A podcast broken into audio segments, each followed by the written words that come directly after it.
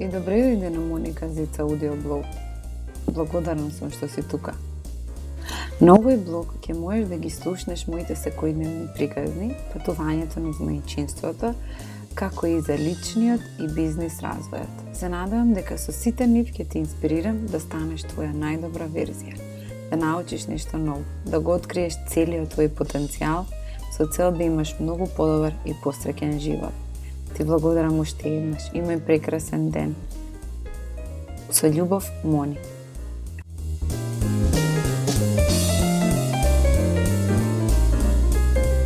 Здраво на сите. Иве мине повторно назад после неколку недели. Стварно планирав и сакав многу порано да ја пуштам оваа епизода лайв, но за жал не успеав а, немав соодветно време, да бидам наискрена. А, има беше настината а, изминатите 10 дена и стварно приоритет ми беше она многу нормално. Давав напори и пробував, но едноставно не се случуваше. Па така што се извинувам што некако ме почекавте се надевам во иднина ќе можам порано да ги објавувам а, сите епизоди.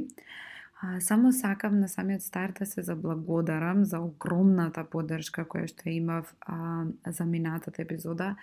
Стварно не очекував дека толку голема слушаност ќе има, дека толку ќе допре до идните мајки и некако срцето и душата ми се стопија а, но во позитивна смисла со тоа што многу мајки се охрабрија и ми пиша, многу мајки научија нешто ново, а најмногу мајки го применија тоа и видоа огромни резултати. И баш кој што добивав коментари, конечно после месеци и месеци за прв пат а, мајката и бебето успеале да спијат убаво и квалитетно.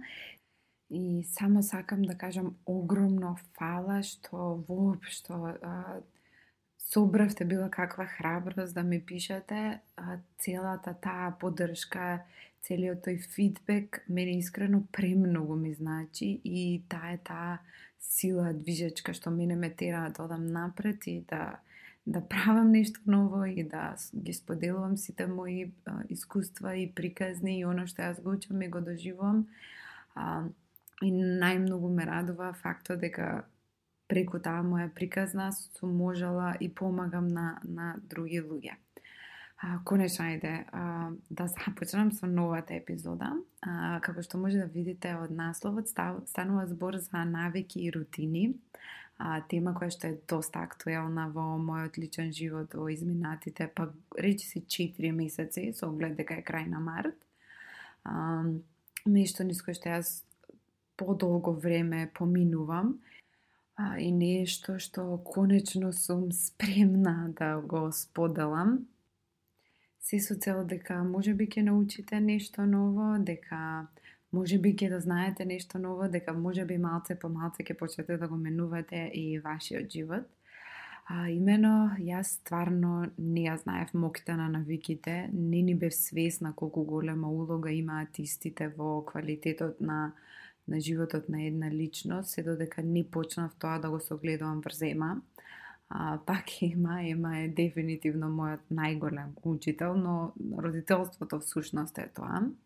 И откако почнав да се огледувам колку позитивен импакт имаат сите рутини, сите навики кои што а, јас имав помогнато да ги изгради, сватив колку квалитетот на нижениот живот драстично почна да се менува, колку она беше посрекна, повесела, позадоволна, попродуктивна и целата таа неизина енергија се ширеше врз сите нас, но исто така во истиот период се огледував колку ако барем малце се се прекрши некоја навика или некоја рутина, колку тоа па може да има доста негативе, негативно влијание врз неизиниот живот, а со тоа негативно влијание врз нас многу нормално. А, и тогаш за прв пат за прв пат почнам да истражувам и да се огледувам што всушност значат навики и, и, и кои се бенефити ги носат човекот е суштество на навики без сомнение, значи дури 40% од работите што ги правиме а, на дневно ниво се базирани врз навики, а голем дел од навиките се прават несвесно до тој степен да дури а, личноста понекогаш не ни знае дека ги прави а, тие активности, односно мозокот не ги перцепира како активности зашто веќе преминале во навики. А, не знам дали знаете, но во последните истражувања дури возењето кола до работа е навика не е потреба. Значи, човекот автоматски го прави сето тоа.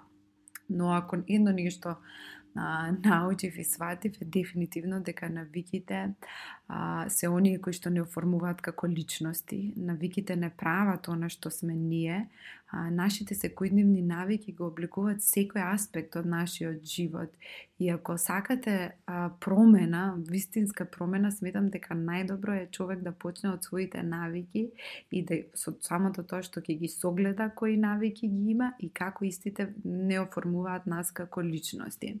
А, само да пред да почнам се а, да, да дефинирам, значи навиките се доста менлива работа. Не е дека ако сега јас се имам оваа навика, стварено таа ми е до цел живот. Мислам, јас се растам, се развивам како личност. Истото се случува и со децата, значи они се менуваат од сезона во сезона, истото се случува и со нас. И многу е нормално да сите тие навики се менуваат и се прилагодуваат на, на моменталните потреби што ние како личности ги имаме. За најдобро да ја објаснам оваа епизода, а, најдов скоро случајно еден квот, кој што ќе го изрецитирам на англиски, па после ќе ви го преведам на македонски и сметам дека со овие две реченици буквално ја опишувам цела епизода и она што сакам да го кажам. А истата гласи вака. Habits are like financial capital. Forming one today is an investment that will automatically give out returns for years to come или на македонски, навиките се како финансиска инвестиција, формирањето на една денес е инвестиција која што автоматски ќе ви даде повраток во годините кои што следат. Ако сакате промена, ако вистински сакате да смените нешто во вашиот живот, да почнете да го живеете а, животот од вашите соништа, животот како што од секогаш го, го посакувате, треба да промените нешто. И именувањето дури на една мала работа во вашиот ден прави огромна разлика во вашиот свет. А, топло ве советувам да започнете малку по малку со тоа што ќе се посветите на една едноставна работа што би сакале да прилагодите во вашиот ден, како што, например, не знам, да не се фатите за вашиот телефон во првите 30 минути од утрото и да гледате колку позитивно сето тоа може да влијае врз вас и врз вашиот ден.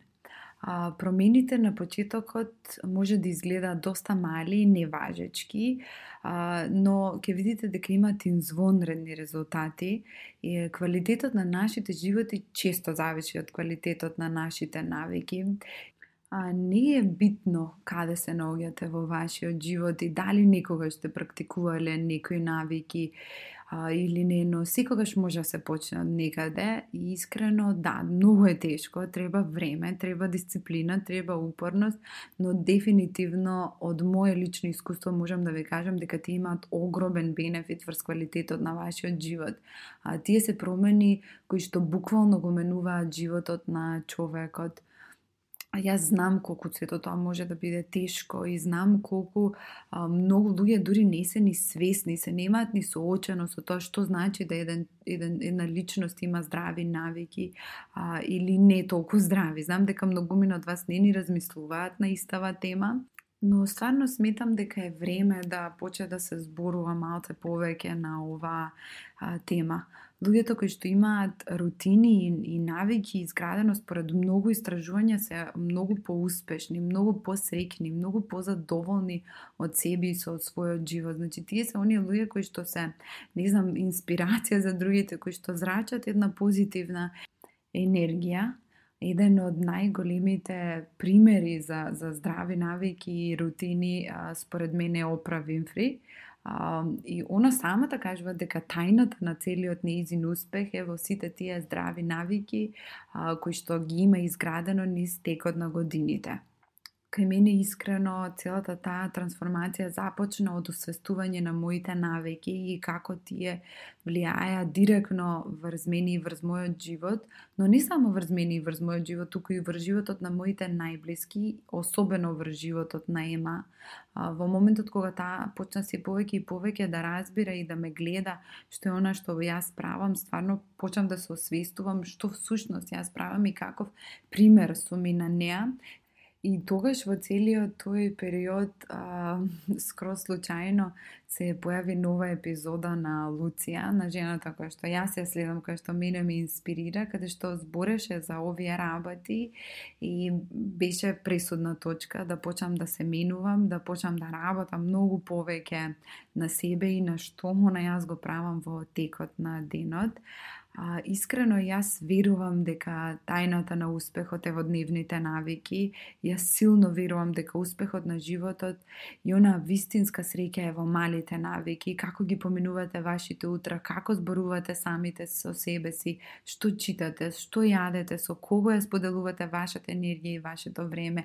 Овие работи се оние кои што ќе ви го променат вашиот живот. И затоа сакам да ги споделам со вас сите оние нови навики кои што јас ги имам стекнато и ги имам ам, изучено и ги применувам, а, се со цел да да видите кои се сите бенефити кои што истите може да ви ги донесат.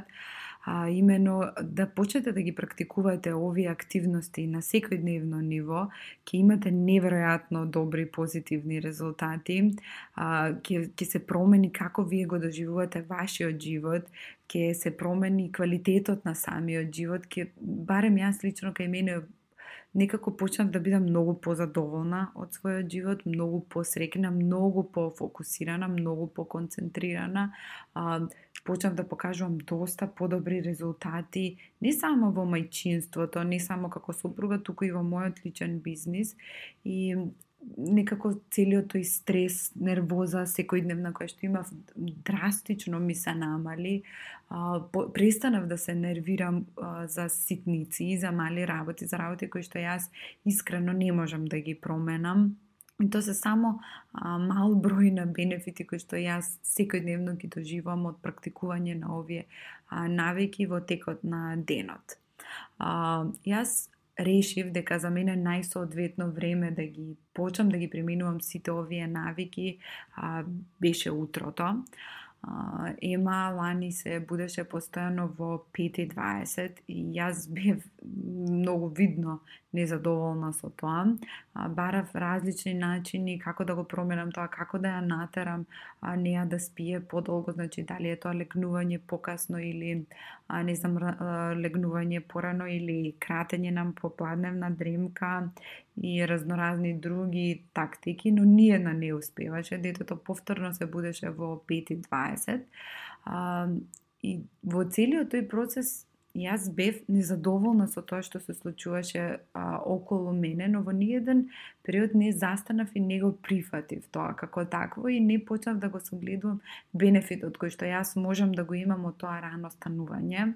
Знаете за Децата е многу нормално да, да се будат рано наутро во 5.20, иако за нас може би тоа не е толку сјајно. А, но ако почнете да ја согледувате позитивната страна на што и да е, ќе почнете да имате големи придобивки од истото тогаш за прв пат почав да истражувам а, што се човек може да прави кога станува толку рано наутро и добив скрос една поинаква а, перспектива и една поинаква димензија на утрото. Јас никогаш не бев до тогаш а, утринска личност, значи баш напротив бев ноќна птица и се работев навечер, дури и чистење и работата и се едноставно стварно сметав дека утрото се наменети за спиење, но многу сум била во грешка со тоа. А, дури постои една книга која што се вика Miracle Morning или Чудесното утро од Хал Еролд ја имате во литература, топло ви препорачувам да ја прочитате. Една од оние книги кои што а, го менуваат животот И баш на самата книга пишува не толку очигледна тајна што гарантирано ќе ви го преобрази животот, пред 8 часот наутро. И кога за прв пат ја прочитав таа книга, стварно можам да кажам дека добив скроз поинаква димензија на утрото и зашто се може да биде на менето утрото. И тогаш почав да, да, да менувам што е она што правам јас наутро и како истото има а, директно влијание врз целокупниот мој ден. Но како го започнувате утрото, може да има огромно влијание на квалитетот на остатокот од денот.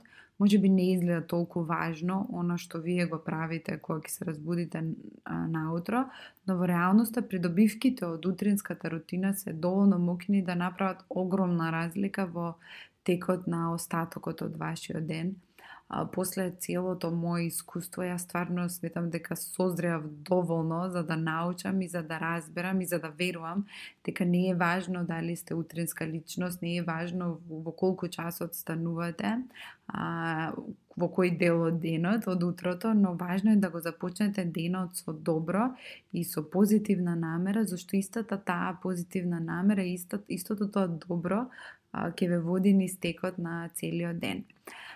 За мене дефинитивно најсоодветно беше да почнам да ги применувам овие активности, овие навики во текот на утрото, но може би а, за вас нема да е истото и тоа не е апсолутно ништо лошо.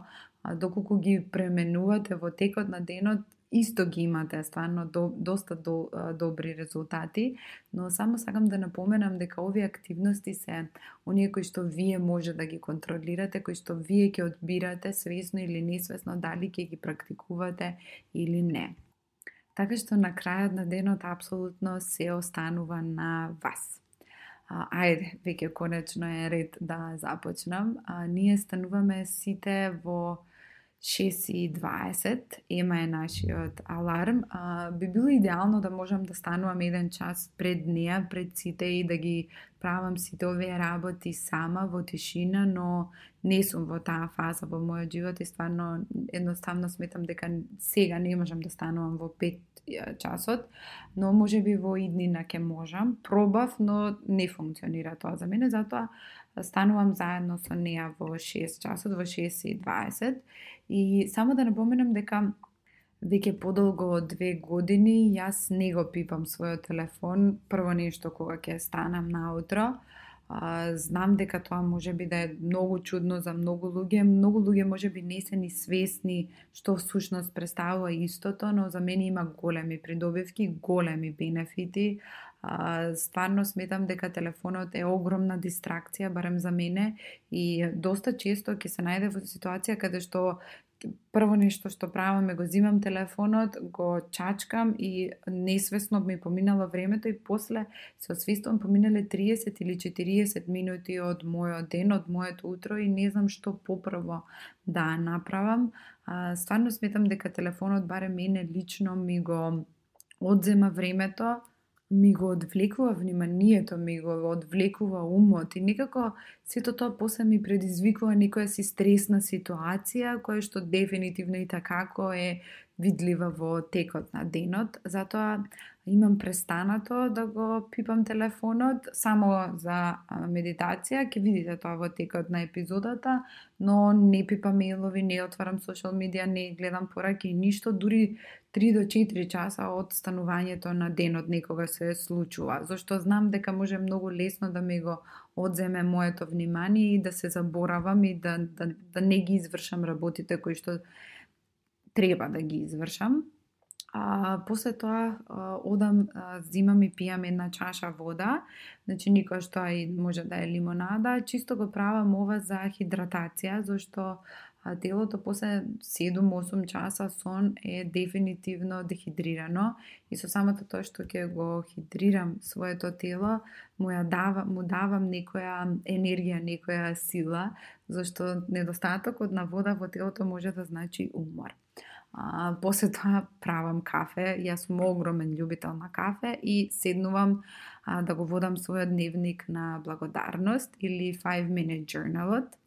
А, мислам дека а, овој дневник ми е на врвот на листата и ако едно нешто би топло би препорачала на секој да почне да применува откако ќе изслуша оваа епизода, тоа е да води дневник на благодарност. А, благодарноста е тоа што мене лично најмногу ме трансформираше и а, стварно сметам дека ако некаде може било кој да започне, тоа е од тука, од овој прв чекор.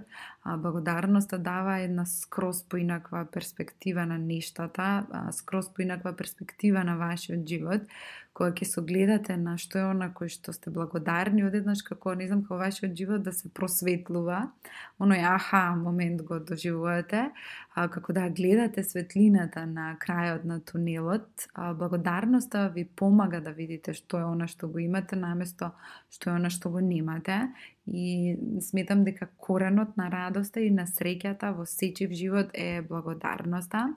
А, не знам, јас сметам дека дефинитивно е најглавното нешто според мене за една личност да живее целосно успешен и среќен и исполнет живот. А, благодарение на благодарноста а, некако премногу благодарност, благодарност, ама мислам дека ќе ме сватите што сакам да кажам. А, благодарение на благодарноста ви па, сметам дека човекот може да се заљуби во животот во кој што го имате, наместо постојано да сте во тага за она што го немате и она што посакувате. Ако се чувствувате, не знам, тажно или разочарано или незадоволно, несреќно, може да е најголем фактор, барем според мене, е тоа што имате недостаток на благодарност во вашиот живот и само седнете и напишете што е она за кое што сте вие благодарни, апсолутно скроз се добива нова димензија, нова перспектива. А благодарноста е вештина што се вежба. Значи не е нешто што доаѓа спонтано, нешто што јас секојдневно уште го практикувам и го вежбам и сметам дека дефинитивно до крајот на животот ќе пробам да го правам тоа, но кога ќе се разбудите рано наутро и кога прво нешто ќе ќе се сетите што е она што вие сте благодарни што го имате, некако осмехот одма ви се појавува на вашето лице. Сите сетете се, значи, дури и до најмалите детали можат стварно да ве расположат и да ви донесат многу позитива во вашиот ден, во вашето утро. А, пример, не знам, тоа може да е сонцето кое што грее надвор или тоа што сте се разбудиле до вашиот сопруг и што имате живо и здраво семејство. Не знам, може да е некој комплимент што вашиот сопруг ви го дал или топлината на вашиот кревет и тоа што имате кревет и кров над главата и што имате дом во кој што сите живеете заедно, сметам дека се доволно за, за да го почнете самиот старт на денот со позитивна мисла. И верувајте, таа иста мисла ќе ве носи во текот на денот. А, јас како што кажав, својата благодарност ја пишувам во 5 minute journalот, но било каков дневник од било која книжара може да земете и да запишувате. Значи 3 до 5 работи, тоа е нешто што мене лично ми одзема 10 минути од своето време. После следно второ, а, што преминувам е медитацијата. А, а, мислам дека многу ќе помисла дека не знам ако човек медитира е дел од некоја секта, за жал кај нас па, постојат таквите стигми кога станува збор за медитацијата, но бенефитите на самата медитација се огромни и стварно не знам може би некој нема слушнато за за нив, но ако немате топло ви препорачувам да изгуглате што се може да придобиете ако човек медитира. А, медитацијата не е да се не знам да се телепортираме некаде или да престане да престане нашиот ум да размислува далеко од тоа, но медитацијата е некаква вежба на умот, да почнете да си го контролирате вашиот ум и вашите мисли. А, значи, благодарение на медитацијата го фокусирате умот на одредена активност во, ед, во одреден временски период. А, баре мене лично медитацијата нешто што ме научи е да бидам присутна во моментот и да уживам повеќе самите со себе во, во моментот кој што го доживјам наместо да постојано се фокусираме на еднината или да го доживуваме минатото. А, човекот што медитира му дава некаков одмор а, на умот, а, некаква смиреност, некаква сталоженост. А, јас веќе медитирам речиси 4 месеци секој утро и тоа не трае повеќе од 10 минути и ам, стварно сум доста посмирена личност, а некои мали ситници и детали кои што предходно а, многу лесно знаеле да ме изнервираат или да допра до мене, веќе го нема тој ефект и дури се зачудувам како толку смирено реагирам во одредени ситуации. А, благодарение на медитацијата стварно почувам полека полека да си ги контролирам мислите, зашто од мислите почнува се, а човекот стварно е способен да си ги контролира своите мисли, значи научно е докажано тоа. И никогаш не мора да е, не знам, тоа медитација или водечка медитација или слично, може да е дури а, 5 минутно, едноминутно дишење, а, со самото дишење речи си истиот ефект го имате врз вашиот ум. Јас користам една апликација која што се вика The Calm, се плаќа, но стварно вреди секој, секој цент потрошен на истата. А на самата апликација имате водечки медитации на различни теми, а, дали е тоа, не знам, анксиозност, мирување на анксиозноста, стресот, контрола на стресот, контрола на вашите мисли, не знам, дури имате и за односи со партнерот медитации и разноразни. И најсоодветни медитации за мене се оние водичките. Им ги имате истите и на YouTube, има еден тон, а, знам, верувам, има и други апликации. А, така што може од било каде на било кој начин да почнете да медитирате. На крајот на денот не мора да е медитација, значи тоа може да е седење во тишина, во мир, 5-10 минути сами со себе. И од сето тоа ќе видите огромни промени кај вас. Откако ми завршува медитацијата, преминувам на афирмациите. А, секој од нас има внатрешен диалог во нашите глави, што речи си се одива постојано. А, имено човекот со кој што најмногу комуницира е самиот со себе и поголемиот дел од ова е несвесно, што е најнормално за сите нас, но кога се изборувате сами со себе, тоа драматично а, може да влијае врз секој ниво од вашиот живот и од успехот на истиот. А, вашите афирмации знаат да работат за или против вас и многу е битно да почнете да ги освестувате и да ги избирате самите кои се оние афирмации што сакате вие да си ги кажувате самите на себе. А, афирмациите се позитивни изјави во врска со одредена проблематика или тематика од одредена област а, вашите афирмации го преобразуваат начинот на кој што мислите и чувствувате и со користење на позитивни афирмации може да го репрограмирате подсвесниот ум и да почне а, вашиот ум да верува во она што вие ќе му го кажувате. А со самото тоа што ќе почне да верува во она што вие го кажувате, ќе почне и да действа во таа насока и на крајот на денот сето тоа да го претвори во реалност а, доста е битно да се говорат јасно и гласно овие афирмации. Може да ги запишете во, во некој дневник, во некоја тетрадка и само да ги читате. А, јас, а, не знам, многу долго време ги применувам, дури пред да знам дека се афирмации и стварно до сега многу, многу пати ми се исполниле сите оние работи кои што си ги кажувам, кои што си ги повторувам а, самата на себе. Афирмациите се а, некако вид на, на позитивна вистина која што јас од, во која што јас одбирам да верувам и која што мене лично ме води. А, откако завршувам со афирмацијата, преминувам на визуализација. Значи, само да повторам дека, дека афирмациите не траат повеќе од 5 до 10 минути, максимум, но најчесто 5 минути. После тоа преминувам на визуализација. И сега визуализацијата е сето оно што предходно во афирмациите сум го кажала, само си го визуализирам со слика и откако ќе почнете да ги гледате работите онакви какви што сакате да бидат, а не онакви какви што се, ќе сватите дека речи си се е возможно и со практикување на визуализација во детали и она што сакаме да го имаме, а со тоа ја создаваме таа ментална слика и го убедуваме нашиот ум дека е тоа можно, зашто истото сме го виделе. И кога вие го визуализирате она што го сакате, а, не знам, не само што ги потикнувате и ги мотивирате вашите емоции да одат напред кон остварување на вашата визија, туку се и мотивирате и потикнувате самите себе да верувате дека го сакате тоа уште повеќе и уште повеќе.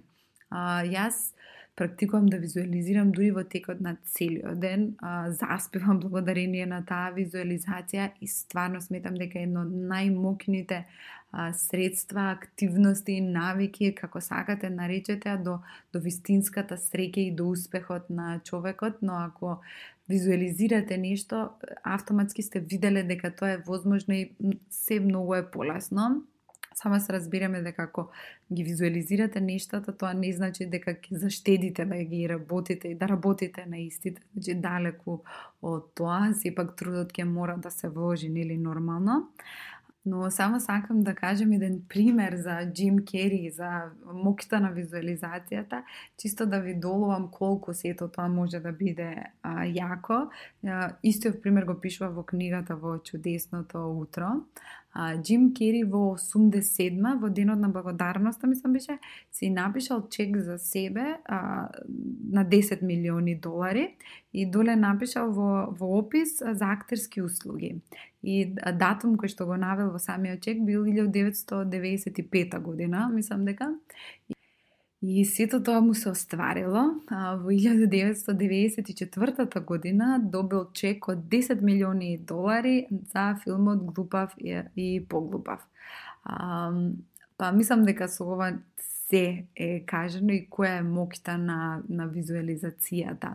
А, замислувајте што е оно што го сакате, но замислувајте го во детали. Замислувајте каква лично сакате да бидете во текот на вашиот ден. Замислувајте што е оно што треба да го сработите за да стигнете до таму докаде што сакате и така многу полесно и многу по, појасна слика ќе имате што е оно што треба да го правите. Пример, не знам, ајде, може да визуализирате како сакате да имате да поседувате куќа. Што е оно што треба да го направите денеска за да ве доведе вас поблиску до целта до таа куќа. Многу е битно да да почнете да верувате во она што го сакате и веќе сте на пола пат. А, визуализацијата е исто искрено трае 5 до 10 минути максимум. А, после тоа а, пробувам да преминам на читање. Ова е една од активностите што во лично во овој период од мојот живот стварно најспоро ми оди и најмногу се соочувам со предизвик, но не се откажувам. А, не знам дали воопшто треба да дискутирам кои е, се се бенефити од читањето и што се една, една личност може да придобие ако чита. А, но не знам, читањето е за умот она што е вежбањето за телото, една од најдиректните методи за придобивање на ново знаење, нови идеи, нови стратегии, нови мисли за се она што ви е потребно во животот. И макар и а, пет страни да прочитам, јас стварно се чувствувам многу помотивирано, некако многу попродуктивно, многу, многу помокно. И тоа чувство го носам во текот на целиот ден, а, макар и значи, дава максимум да прочитам и пет страни. Гледам да се барем едно 10-15, но, но и со пет се задоволувам. А, откако ќе прочитам се, преминувам на вежбање а исто како и читањето, не знам, мислам дека е сувишно да се коментира кои се се бенефити од вежбањето, најде на кратко. Вежбањето е едно од најмокшните алатки за среќа. А, дури кога се вежба, а, се намалува нивото на стрес и на анксиозност и се зголемува нивото на среќата а, вежбањето е толку мокно како некои антидепресиви, а да не зборуваме за сите физички промени кои што вашето тело ги доживува. А вежбањето наутро мене лично ми го одржува нивото на енергија доста повисоко во текот на денот и некако кога вежбам наутро го придвижувам целото тело и крвта во моето тело, ги отварам белите дробови и придобивам многу енергија, А, најчесто вежбам на Мелиса Woodhill апликацијата. А, тоа е микс од пилатес и од йога, не е она спора йога, а, само со, со неколку движења, далеко од тога, тоа баш е некако power йога и се трошат доста калории и телото стварно се оформува многу, многу добро имате разноразни вежби од 5 до 10 минути до 10 до 20 до 30 па и нагоре. Зависи за што сте расположени во, во, во моментот и на која на која област од вашето тело сакате да работите. Дури никогаш ако немам време, значи пробувам само истегнување. 2-3 минути ми е сосема доволно, но гледам ако ништо друго 4 пати во неделата да вежбам, значи а, најголем предизвик ми се читањето и вежбањето, значи со мало дете и со две кучиња никогаш тоа може да биде стварно а, речи си невозможно, но пробувам. Подобро е со 60-80% да извежбам отколку со нула. Пак имам, стварно имам а, големи придобивки од самото вежбање, поготово наутро. А, ја за жал, немам сила и енергија во текот на денот, а некако навечер па се исцрпувам целосно и последно нешто што сакам да правам е да вежбам и затоа го ставив а, рано наутро и давам максимум да, да, да го применувам тоа колку што можам секое утро. А, Откако се спремив ментално и духовно и за моето тело, на крајот доаѓа физичкото спремање, кое што за мене лично направи огромна промена. Под физичко спремање подразбирам облекување на соодветна облека за текот на денот и шминкање, некакво, значи макар и да тоа минимално, и правење на некоја фризура. Јас сум личност која што работи од дома веќе 5 години, значи уште пред да почне пандемијата и ги имам поминато сите фази на, на уживање од работење од дома до тоа да не морам конечно после толку години да се облекувам и да се спремам рано наутро до уживање од тоа што работам во спална или во кауч или во трапезарија или кај сакам, но откако станав мајка, сето тоа се смени. А, доста долго време поминував, не знам, во, во хеланки, во тренерки и стварно се чувствав доста непродуктивно. Некако не се чувствав спремна соодветно за, за текот на денот, а работа му што од првиот ден на, на, на моето породување. И откако почнав да го преминувам се, се во ова секој ден без исклучок, стварно сум доста попродуктивна. Некако тој мајндсет ми се, ми се промени, скрос ми се сетираше дека, окей, сега сум спремна и облечена и треба да работам.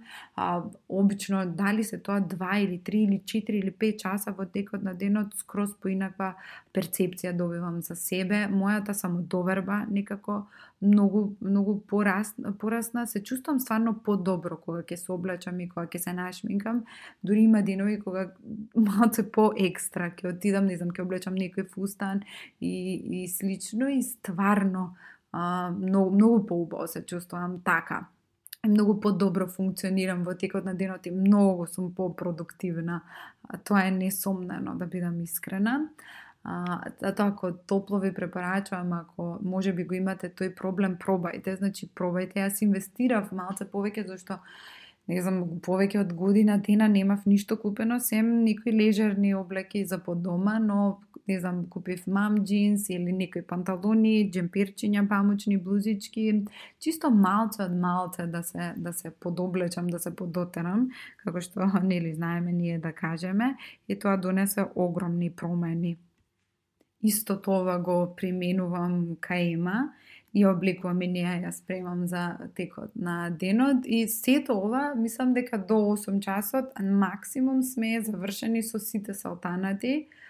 пропратно имаме неколку минутно гледање низ прозор, едно од омилените активности на ема, но некако нака тоа за финиш мене лично многу ме релаксира. А, после тоа следи доручекот, Па почнуваме со текот на денот, значи спремање на ручек и средување по дома и разноразни тековни обврски. А, може би многу од вас ќе се запрашаат како со дете и дали е тоа возможно со дете и јас само а, можам да кажам дека мене лично тоа што имам дете ми даде уште поголема мотивација да почнам да ги применувам овие навики, за да истите и ги наметнам на неа. Нашите навики не само што не обликуваат кои сме ние, туку ги формираат и нив и што тие стануваат. Нашите најмали секогаш не гледаат нас, секогаш учат од нас, затоа ако не ги правите овие работи за вас, пробајте да најдете место во вашето срце да ги правите за нив и ќе ќе видите колку колку позитивна промена ќе има и кај нив, но и кај вас. И после ќе почнете да ги правите повеќе и за вас. А, ако, ако размислите малце подлабо, ќе, ќе сватите колку, ако детето вака го почнуваат своето утро, колку тоа е подобро за, и за нив, не само за вас. Размислете ако Секој утро дет, вашето дете го почнува со боење, со цртање, со пишување, со читање, наместо со гледање на телевизија, каде што е случајот со многу родители, сам барем од она што јас лично го знам и го познавам. А, само размислете колку колку посреќен ќе биде нивниот ден и нивниот живот и колку ви од мали ќе ги учите со за тие навики да ги ствараат. А, јас, а, кога опишувам дневникот на благодарноста, има е до мене на маса и си игра со магнети или бои, зависи во, во кој период од, од животот е и што е на ние е најинтересно. А, после тоа, кога медитирам најчесто дени, ја превзема и прави нешто со неа, односно ги продолжува најчесто истите активности. А, пробувам некои афирмации да ја кажам и на неа да и самата да почне да ги, да ги кажува, да се изразува на тој начин. Пробувам да ја научам што значи да биде благодарна и колку тоа има огромна улога врз квалитетот за нејзиниот живот и најпосле она обожава да вежба. А, самата си има како свој йога мат и го става и почнува да вежба, ме повтара, не знам, прави куќа надоле и други вежби. И стварно, стварно ужива во сето тоа да го прави и не е дека е невозможно, голем предизвик е, мислам да не се лажеме, постоја денови каде што и она и двете кучиња се цели врз мене и јас пробувам да направам некаква вежба и тоа е речиси невозможно, но но стварно на крајот на денот, односно на крајот на утрото, сето тоа е толку сладко и толку забавно да, да уживаме, да уживаме и двете во, во тоа што го правиме и стварно имам огромна промена во, во, во нас и во нашето на расположение и во текот на нашиот ден. А, ако не сте размислувале на овој начин, еве, чисто може би како идеја или како насока што можете да правите. А ако сте мајка на мало дете кое што се буди неколку пати во текот на ноќта и основно што вас вие на уме да ги задоволите тие основни потреби како што се јадење и спиење, топло, само можам да ви кажам дека е во ред и дека ова не е за вас и дека не, не сте во таква сезона да можете да, да ги практикувате овие работи и дека ќе дојде вашето време кога ќе можете да ги правите истите дали сами, дали со вашите деца кои како сака, или многу нормално.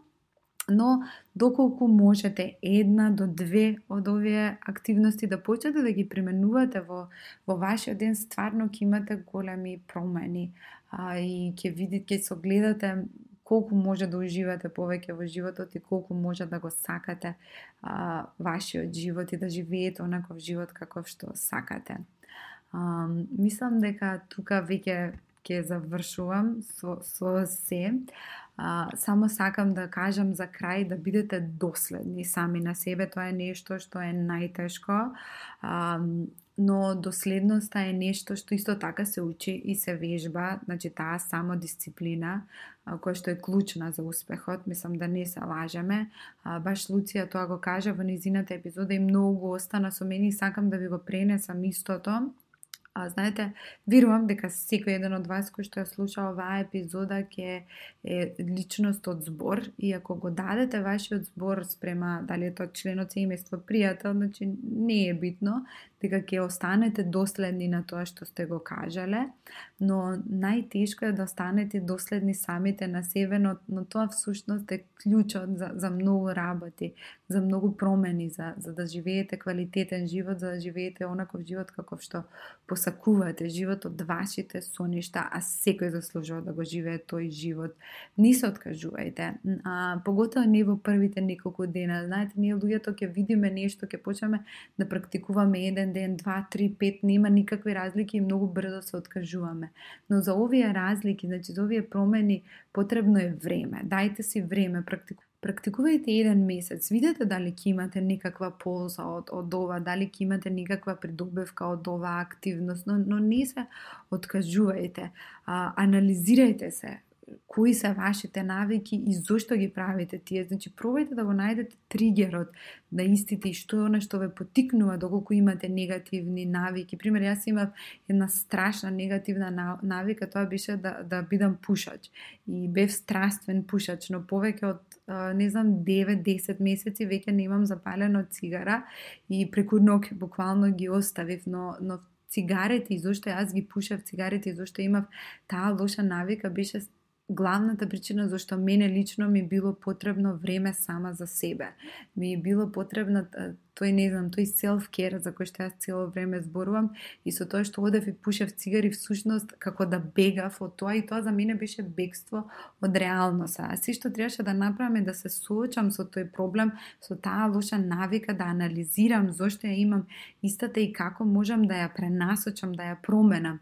И верувајте од како престанав да пушам тоа беше, таа беше главната и најголемата промена за мене, а ако јас можев, верувам дека секој ќе може. Не сакав да ја давам лош пример на Ема, не сакав да учам на, на, на лоши навики, зашто не можам јас на неа да ја кажувам што е добро да прави, ако јас самата не го практикувам тоа. А, така што почнав заради неа почнав да како треба да учам неа но на крајот стана се за мене. А, видете кои ви се тригери, како што кажа, видете како можете да се мотивирате. Чи дајте си реални цели. Значи одете полека, чекор по чекор. Јас почнав едно по едно да, да преминувам. А, не сум тип на човек кој што може премногу да си даде, зашто тогаш не знам, ќе ме фати таа паника и бес и нервоза и ќе се чувствувам како не знам како а, да не сум успела и да не сум постигнала и сето тоа е толку разочарувачки за мене. Затоа јас сум тип на човек кој што сака да оди постепено, едно по едно. Значи прво беше откажување на цигари, после беше менување на на утрото, да почнам да уживам во утрото. И верувајте, од кога почнав да уживам во утрото, не знам, се се смени за мене. Јас дефинитивно сум утренски човек, дефинитивно сум личност која што у 6 саат е будна без разлика ема или, или аларм и уживам во утрото. А, утрото е мојот омилен дел од, од денот и не се легнувам покасно од 10.30, максимум 11, а предходно бев ноќна птица. Значи јас работев до 2 до 3 часот, но, но се е до мајнсетот, се е до вашите мисли вашите мисли се, се она што е почеток, што е база за се, за како вие после правите. А ако ги практикувате овие работи, овие активности кои што ги набројав, верувајте така како може да почнете да ги контролирате вашите мисли и вашите чувства и вашата реакција на крајот на денот. А, мислам дека тоа е тоа. Кажав се што сакам да кажам. А, се надевам дека ќе ќе научите ако ништо друго нешто ново. Се надевам дека може би ќе ве инспирирам, ќе ве поттикнам да да почнете да ги менувате вашите навики, да создавате нови, а, да истражувате ако ништо друго, што е она што можете да го промените кај вас. А, ви посакувам секое добро, ви посакувам да живеете квалитетен живот, живот од вашите соништа, живот како што посакувате на секое поле, а, да се будите секое утро со волја, да го поминувате вашето време со оние кои што ги сакате, а, да, да ја работите работата која што вие ја сакате, буквално да, да уживате во секој аспект од вашиот живот. Фала многу уште еднаш што ја слушавте цела оваа епизода. Секој ваш фидбек, секоја ваша поддршка премногу ќе ми значи. Ако не се осудувате да ми пишете, топло ќе ви препорачам да ми пишете. А, стварно на крајот на денот и јас сум човек и сум отворена за, за комуникација и за соработка и за што и да е. Ви посакувам уште еднаш прекрасен ден. Ви благодарам до следното слушање. Поздрав, чао, чао.